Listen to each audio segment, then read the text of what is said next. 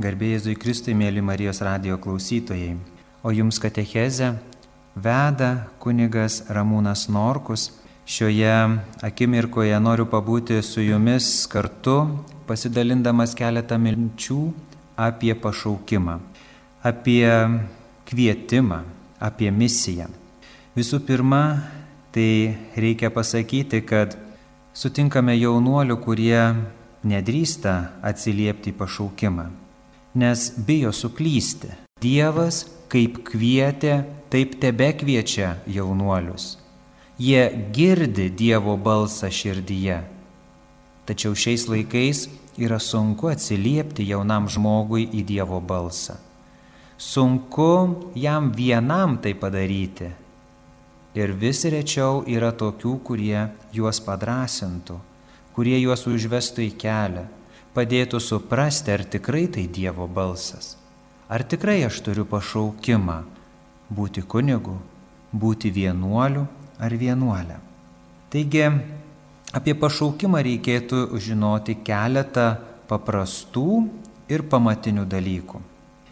Jeigu išgirdai Dievo balsą, atsimink, kad pašaukimas tai visų pirma yra atsakymas, atsiliepimas. Kada viešpaties angelas pasveikino mergelę Mariją, jinai atsiliepia į pasveikinimą. Kada viešpats Jėzus eidamas kviečia savo mokinius, jie atsiliepia į Dievo kvietimą. Ne visada žodžiais, labai dažnai tiesiog paprastu suklusimu. Kas tai? Kas tu, kuris mane šauki? Kur tu gyveni viešpatie? O Jėzus sako, ateikite ir pamatysite. Taigi, jeigu atsiliepimas reiškia tai, jog aš turiu atsiliepti į kažkieno kvietimą, tai visų pirma yra aišku, kad yra tas kažkas, kas mane kviečia. Ir šitą kvietimą labai dažnai žmogus jaučia savo širdies gelmėje. Pašaukime pirmą vaidmenį vaidina visuomet tas, kuris kviečia. Tai yra viešpats. Jis kviečia. Jis tave šaukia, jis kužda į širdį, jis ragina, kviečia tave, kad galėtum atiduoti patį save ir kad galėtum duoti patį geriausią atsakymą savo gyvenime. Taigi atsiliepimas į Dievo kvietimą yra ne kažkas kita, kaip atiduoti save į Dievo rankas. Ir jeigu aš atsiduodu save į Dievo rankas, Dievas į mano rankas įdeda nuostabę dovaną. Tai misija. Dovana, kurios negaliu perduoti niekam kitam. Ir ji yra būtent man skirta. Asmeninė misija. Toji misija labai dažnai pradžioje pasireiškia džiaugsmu. Žmogus patiria didelį džiaugsmą, patiria gyvenimo pilnatvę, jam atrodo viskas aišku ir gyvenimo prasme ir tuo pačiu širdyje yra labai labai ramus. Taigi toks džiaugsmas yra skirtas ne vien tam, kuris yra pašauktas, bet ir visiems žmonėms, kurių tarpe jis yra. Visiems tiems, su kuriais kartu jisai bus. Kartais jaunimas paklausia, o ar aš iš tikrųjų būsiu laimingas, jeigu atsiliepsiu į Dievo kvietimą? Čia žinoma, atsakymas gali nustebinti kiekvieną, kuris dabar klausosi. Jog ar būsi tu laimingas, kuris atsiliepi į Dievo balsą, nėra svarbu. Tai nėra svarbiausias taškas. Svarbiausia yra tai, jog Dievas, jeigu galiu tai pasakyti tarp kabučių, bus laimingas veikdamas per tave, per tavo širdį, per tavo žodžius, per tavo rankas, kurios laimins, per tavo kojos, kurios neš pati viešpatį į kiekvienus namus. Taigi, esminis dalykas yra tame, jog Dievas bus laimingas tavimi. Įsivaizduok jauną žmogau, jeigu Dievas yra tavim laimingas. Ir jeigu tu esi, kaip angelas sako, palaiminta Dievo išrinktoji mergelė, tai kaip Marija turėjo nudžiugti? Žinoma, jinai kartu išsigando, nes ne kiekvieną dieną pamatysi angelą. Bet pati žinia, kiek jinai džiaugsmo duoda. Tie, kad netveria savyje ir bėga pasidalinti su savo giminaitė Elsbieta. Štai kas yra misija. Štai kas yra pašaukimas. Išgirsti Dievo balsą ir nesitverti džiaugsmu savyje, eiti ir dalintis juo. Jeigu tavim Dievas džiaugiasi, žinok, jog tai, ką tu darai, yra pats geriausias dalykas. Tau ir visiems tau pavestiems. Tai, ką tu darai, tai darai geriausių laiku ir darai tokiu būdu, kuris tuo metu visiems kitiems yra džiaugsmas vedantis į išganimą. Žinoma, dažniausiai Dievo kvietimas ir atsiliepimas į jį bei pašaukimo suvokimas savyje talpina ir daug gilesnę prasme, pačią gyvenimo suvokimo prasme, nes toji prasme persikelia į antgamtinį gyvenimo pajūtimą per maldą, per sakramentus per tą galimybę, kad gali nešti viltį žmonėms.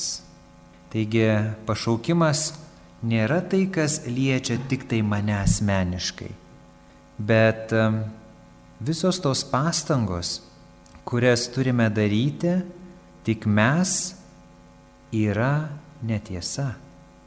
Taip nėra. Ne mes turime savyje ieškoti jėgos kad mumise gimtų pašaukimas. Bet viešpats pasilenkė prie tavęs su pagalba, su ramiu žodžiu. Ir viešpaties pagalba yra pastebima per ženklus. Ieškok ženklų savo gyvenime. Ir supras, ar tikrai viešpats tau kalba. O ženklus Dievas dalina įvairiausiais būdais. Jisai kalba per tam tikrus žmonės. Jis tam tikrų metų leidžia sutikti būtent tuos žmonės, kurie tau vienaip ar kitaip prakalbo apie kunigystę arba vienuolystę. Arba gal netgi apie šeimą, kurioje tėvas meldžiasi ir motina laimina savo vaikus. Taigi visus tuos sutiktus ženklus jung į vieną ir pamatysi nurodytą kryptį. Taip pat norėčiau labai, kad ši laida padėtų tau, mielas žmogau, kuris ieškai Dievo ženklų savo gyvenime, pastebėti tą rodomą pirštą, sujungti ženklus į vieną ir tarsi kokią raudoną liniją matyti, kur jie veda. Taigi tie ženklai jie dėliojasi vieną šalia kito. Ir tu pamatai kryptį. Ta kryptį, kurią suprastum, galėtum atsiliepti ir po to gyventi. Kiekvienas pašaukimas yra labai asmeniškas, tarsi asmens tapatybės kortelė. Yra įvairiausių pašaukimo tipų, bet jeigu truputį sugrupuosime, mes galėsime pamatyti, kad tie pašaukimai yra labai vairūs, bet savyje talpina tam tikrus tris pašaukimų tipus. Pirmas pašaukimo tipas tai būtų, na toks gal, man tai atrodo pats paprasčiausias ir gal netgi pats aiškiausias. Toks labai panašus į Švento Pauliaus pašaukimą. Toks joji arklių, nukritai, atsistoja ir viskas aišku. Dievas mane pašaukė ir aš žinau, ką daryti. Tai, kad um, viešpats jaunolio gyvenimą įsiveržia kartais kaip viesulas, tarsi su tam tikra jėga, atsitinka dažnai. Tai vyksta tada, kada tiesiog staiga yra suprantama, ko iš manęs nori Dievas. Ir tas supratimas ateina per kokį stiprų patyrimą, gyvenimo įvykį, gal kokią net nelaimę šeimoje arba aplinkinėje artimoje, vietoje, pažįstamų žmonių tarpe. Ir tai sukėlė žmoguje tokį šnapždėsi, per kurį Dievas kviečia jauną žmogų pasirinkti tą kelią, kuriame galėtų nešti visiems viltį, susitaikinimą, gerumą ir amžino gyvenimo viltį. Na tiesiog tai gyvenimo lūžis, kad iki to lūžio buvo vienas gyvenimo stilius, po to gyvenimo lūžio yra dabar tai, kas yra, ką jaučiu, ką manau, kur mane Dievas kviečia. Na būna kartais, kai kam skaitau knygą ir širdyje suprantu. Einu per gatvę, pamatau vienuolį arba kunigą, klausykloje sėdinti, bažnyčioje ir suprantu, kur mane Dievas šaukia. Ir tas kvietimas yra toks ramus, toks pilnas meilės, priimtinas, patrauklus na, tarsi koks magnetukas, kuris prikimba prie šaldytuvo. Ir čia Dievo misija tau tokia be galo miela, prie kurios tu tiesiog prikimbi ir esi laimingas. Antras pašaukimo tipas yra tai, kad iš karto nieko nėra aišku. Ir toks pašaukimas statosi labai išlėto. Jį reikia dėti taip įvykį prie įvykių, žodį prie žodžio, žmogų sutiktą prie žmogaus, tarsi plytą prie plytos. Dedu, dedu ir palaipsniui pastebiu, kad mano gyvenimo įvykiai turi prasme. Kad jie mane veda visą laiką į vieną ir tą pačią kryptį. Jeigu juos pradedi analizuoti atskirai, nieko tokio ypatingo ir nepamatai. Bet jeigu juos pradedi rykiuoti vienas po kito, matai, kaip Dievas tave vedė vaikystėje už rankos. Ir visi įvykiai tada pasidaro vieningi. Ir tu pamatai, jog Dievas tave kvietė. Ir tada jaunuolis sako, Taip, supratau viešpatie, supratau ir jaučiu tavo vedančią ranką. Žinau, kad tu renkiesi mane. Duok jėgos, kad atsiliepčiau į tavo kvietimą. Kitas pašaukimo tipas, tai galime jį pavadinti poreikiais. Kada jaunas žmogus savo aplinkoje mato vienokius ar kitokius pasaulio poreikius ir mato, kad niekas neatsiliepia, niekas neduoda tikro atsakymo tam žmogui, kuris nusivylęs, kuris gyvenimo nemato prasmės, aplinkui neteisybės, suvargę žmonės. Jie nieko neturi, kas jiems galėtų teikti džiaugsmo. Niekas šalia jų neatsistoja ir niekas nekalba apie tikėjimą, apie viltį, į kurį galėtų kabintis ir atsistoti.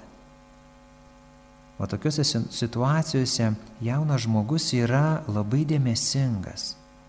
Jisai tokią situaciją vargingą gali atstumti, nusisukti, nusigręžti ir nueiti arba gali palinkti prie tokios situacijos ir klausti savęs, kaip aš galiu padėti. Tada širdyje viskas suvirpa ir tu ištari, net pats nepajutęs. Viešpatie, aš aukoju tau savo gyvenimą dėl šitų žmonių. Prisimink Švento Jono Bosko pavyzdį. Jis gyveno tokioje situacijoje, kur matė daug besivalkiojančių jaunuolių, kurie mažai uždirbdavo, į mokyklą neidavo, per prievartą buvo varomi prie darbų, o vakarais naktimis išgerinėdavo arba vogdavo, muždavosi tarpusavį. Ir va, štai jaunas kunigas Jonas, Bosko, eina tomis gatvėmis ir galvoja, ką man daryti. Šiam jaunimui reikia pagalbos. Ir jis po truputį pradeda užsiimti su to jaunimu, katekizuoti, su jais būti, žaisti, mišes aukoti, klausyti išpažintis. Ir štai iš to išauga didžiulė vienuolyje, kurią mes šiandien vadiname saleziečiais. Arba motinos iš Kalkutos pavyzdys. Irgi vienas iš to trečio tipo pašaukimų, štų poreikių. Šeina vienuolė iš vienuolyno ir mato gatvėse visą šitą skurdą, neteisybę, badą. Ne tik, kad badą, kad neturi valgyti, bet tiesiog vilties nebuvimą. Apleistus žmonės, atvežtus ir numestus numirti kaip kokius gyvulėlius, o šiais laikais net gyvulėlių taip niekas nenumeta. Tada motina Teresė savęs klausia, viešpatie, ką aš galiu padaryti? Jis eina kalba apie tikėjimą, linki sveikatos, Dievo palaimos. Ir tas įvykis nelieka nepastebėtas. Jaunos merginos pamato, kad šita moteris visą tai daro su džiaugsmu ir jos nori tarnauti savo gyvenime su džiaugsmu Dievui. Arba kitas šventasis Filipas Neri. Jisai Romoje lygiai taip pat eina gatvėmis ir analizuoja situaciją. Ir toje situacijoje, kurioje jis gyvena, pradeda nuostabę misiją su jaunimu. Nuostabę misiją net su čigonų taborė gyvenančiai žmonėmis, kas po to išsivysto į nuostabius vienuolynus. Taigi pašaukimas galime taip apibrėžti, yra tai, kas neša džiaugsmą. Taigi aš viešpatė atiduodu tau savo gyvenimą, kad galėtum įeiti į šį pasaulį ir atnešti džiaugsmą, viltį, prasme ir teisingumą. Pašaukimai gimsta parapijose, gimsta šalia tų, kurie gyvena viešpačiu Dievu. Mes, kada studijavome kunigų seminarijoje, kartais vienas į kitą žiūrėdami, juokais vienas kitam pasakydavom, ar tu girdi, kaip tu kalbi? Tavo dikcija yra lygiai tokia pati kaip tavo klebono. O kitas atšaudavo, o tu matei, kaip tu vaikštai? Tu vaikštai lygiai tokiu pačiu žingsniu kaip tavo klebonas. O ką tai reiškia? Tai reiškia, kad pašaukimas gimė žiūrint į kunigą, į savo parapijos kleboną.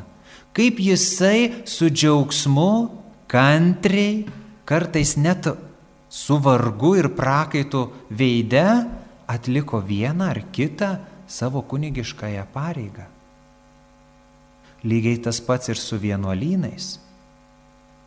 Kada ateina jaunuolis arba jauna mergina į vieną ar kitą vienuolyną, jinai buvo sužavėta ir patraukta gal kokios tai vienuolės, gal netgi to vienuolyno įkūrėjo, šventojo ar šventosios pavyzdžio.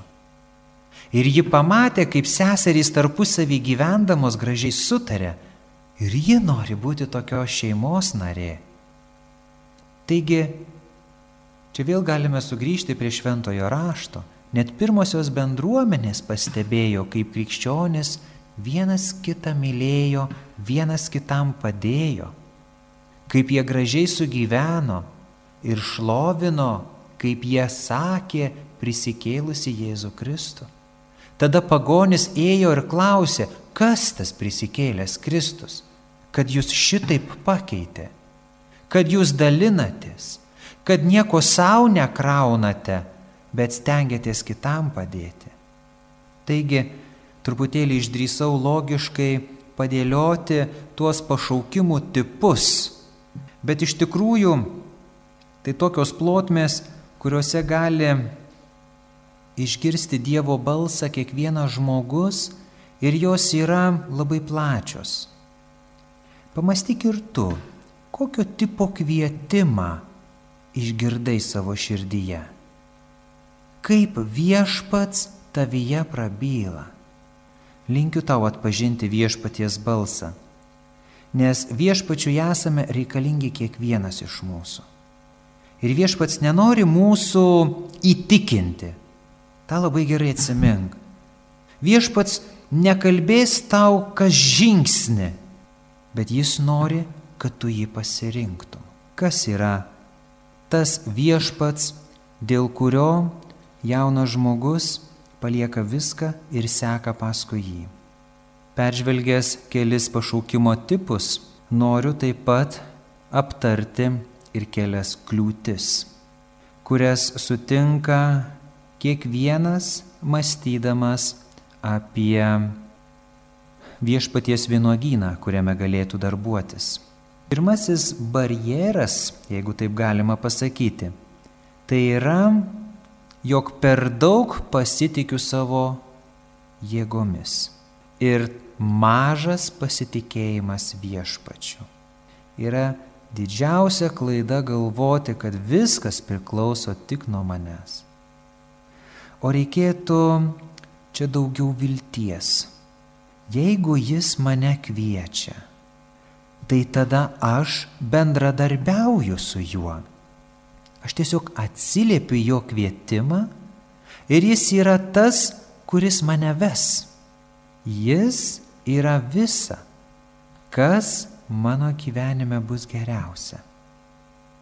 Ir tada pamatysi, kaip viskas keisis. Tas barjeras, ta baime, kad kažko nesugebėsiu, nemokėsiu, nesu tam skirtas pasitrauks.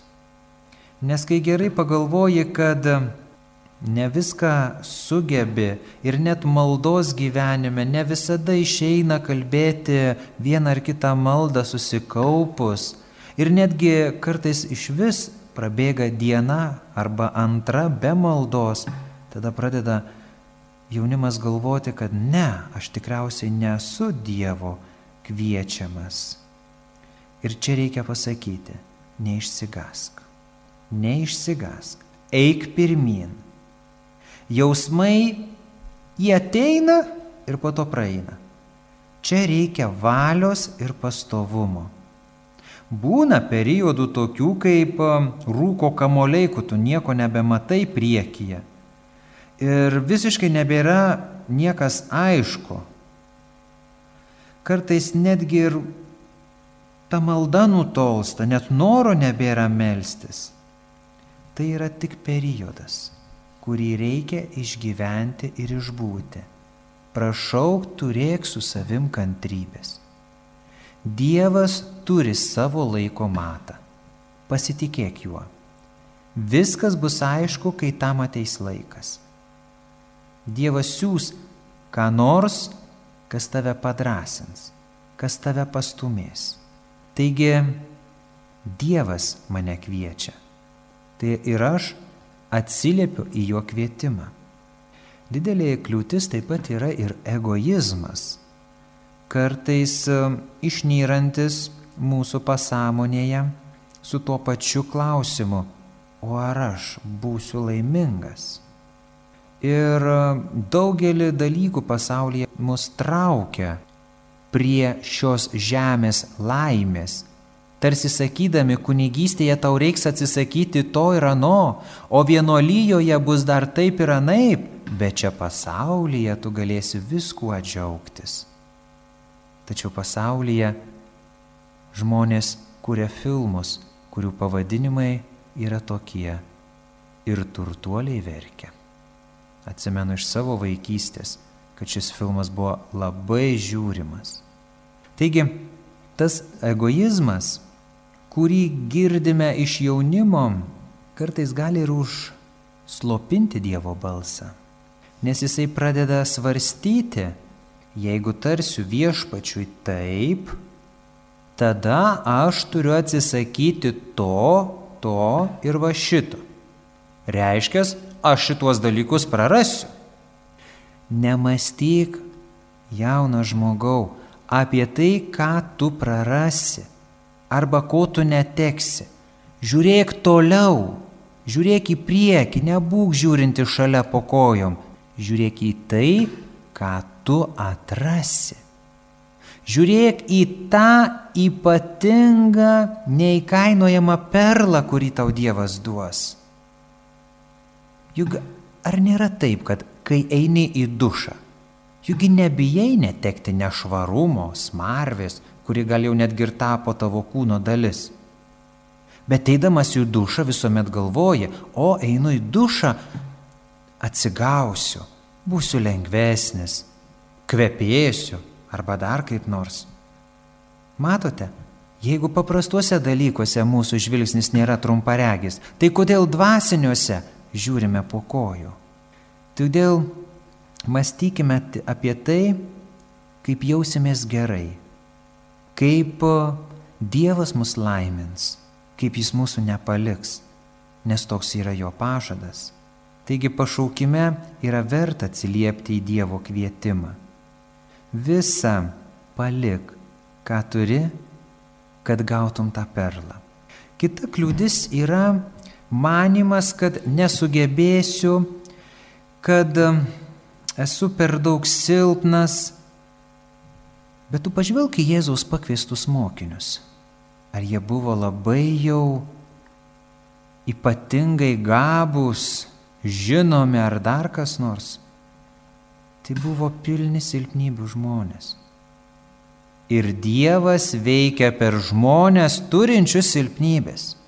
Ir tie pašauktieji su Dievo pagalba pajėgė tas silpnybės peržengti, jas įveikti nes Dievas buvo su jomis. Taigi, kliūtis galime nugalėti su tikėjimu. Galime įveikti su didelė meilė viešpačiu. Galime tas kliūtis įveikti net iš didelės meilės mūsų broliams. Nereikia bijoti to vargo, kurį manai, kad reikės pajusti lipant į pašaukimo kalną. Reikia pasakyti, kad reikės, tikrai tau sakau, reikės truputėlį paprakaituoti. Bet atmink, kai užkopsi į tą viešpaties kalną, tau atsivers nuostabi panorama, nuostabus grožis. Naudodamasis progą, noriu taip pat kreiptis ir į šeimos narius, tų jaunuolių, kurie pajuto Dievo balsą. Kartais jaunimas išsigasta ir nežino, kaip reikėtų tėvams pasakyti, kad mane kviečia viešpats. Ir nutinka dėja taip, jog tėvai nesupranta, nesuvokia. Arba kiti net visai net nesitikėjo, kad jų sūnus arba jų dukra pasakys, tėtė, mama, aš stoju į kunigų seminariją, aš stoju į vienuolyną. Ir kartais labai keista, bet tėvai bijo to viešpaties kvietimo. Jie tiesiog nekarta jau ir man yra pasakę, viešpats iš manęs atima dukrą, viešpats iš manęs atima sūnų, bet toji dukra, kuri nori pasišvesti Dievui ir tas sūnus, kuris nori per kunigystės sakramentą tarnauti žmonėms, tai yra didelis džiaugsmas Dievui tai parapijai arba tai bendruomeniai, kuriai jis tarnaus. Ir tikrai patikėkit, mėly tėveliai, ir jums. Netgi man pačiam teko sutikti tokią šeimą, kur tėtis tiesiog išsigandęs ir pasimetęs buvo, kada išgirdo, jog jų sūnus nori stoti kunigų seminariją. Jisai tiesiog nusprendė nekalbėti su tuo sūnumi nes mane, kad tai vienas iš jo kaprizų. Pabus vienus du metus ir pareis, o tada aš jam pasakysiu. Ir tas sunkumas dažnai kyla iš to, kad pašaukimą, tą Dievo kvietimą pajutote ne jūs tėveliai, bet jūsų atžalos. Pašaukimas yra labai panašus į aisbergą, kurio didžioji dalis yra po vandeniu, o matoma tik mažas ledo gabalėlis virš vandens. Tad jeigu jūsų sūnus arba dukra jums pasakė, tėti, stosiu aš į kunigų seminariją, arba mama, aš noriu būti vienuolė, žinokite, jūsų vaikai jau tai labai ilgai svarstė, daug kartų apmastė, tikrino save, stebėjo ir galų gale jie gavo tos drąsos, atėjo pas jūs ir pasakė. Tai jūs tėveliai, net patys, gal net paskutiniai sužinojote apie šitą jūsų vaikų sprendimą. Dar kartą pakartosiu tą patį žodį, kuris šventajame rašte yra užrašytas 365 kartus. Nebijokite. Jei matai, kad tavo vaikas ramus, akise žypčioja džiaugsmas, palydėk jį. Taip, suprantu tave. Dabar tikriausiai net nesuvoki, ką tai reiškia. Gal net nesupranti tokio pasirinkimo nei esmės, nei prasmės, bet aš jūs užtikrinu. Pamažu Sūnaus ar dukters džiaugsmas taps ir jūsų šeimos džiaugsmas. Neužtrenkite durų savo vaikams. Nepalikite jų likimo valiai, bet palydėkite. Ypatingai mamos, lydėkite savo maldą savo vaikus. Tėčiai, laiminkite jų savo laiminančią ranką. Nebijokite, jei viešpats pažvelgia į tavo šeimą, į tavo vaiką. Šiandien Mes visi kunigai skubame į Žemaičių kalvariją, prie visų šeimų karalienės motinos. Mes šiandien visi kartu prašysime Dievo motinos, kad ji savo malda ir savo pavyzdžių mūsų kunigų širdis formuotų į savo mylimojo sunaus širdį. Ir pabaigai noriu perskaityti Šventojo Jono Pauliaus antrojo žodžius pasakytus jaunimui. O jis sakė taip. Iš tikrųjų tai yra Jėzus, kurio jūs ieškote. Tai Jėzus, kurio jūs ieškote tada, kai svajojate apie laimę. Tai Jis, kuris jūsų laukia tada, kai niekas jūsų nepatenkina šiame pasaulyje. Tai Jis tas grožis, kurio labai jūs ieškote. Tai jis jūs kviečia, leisdamas jausti radikalumo troškulį, kuris savyje neturi jokių kompromisų. Marijos radijoje girdėjote laidą Katechezę, kurią vedė kunigas Ramūnas Norkus garbė Jėzui Kristui.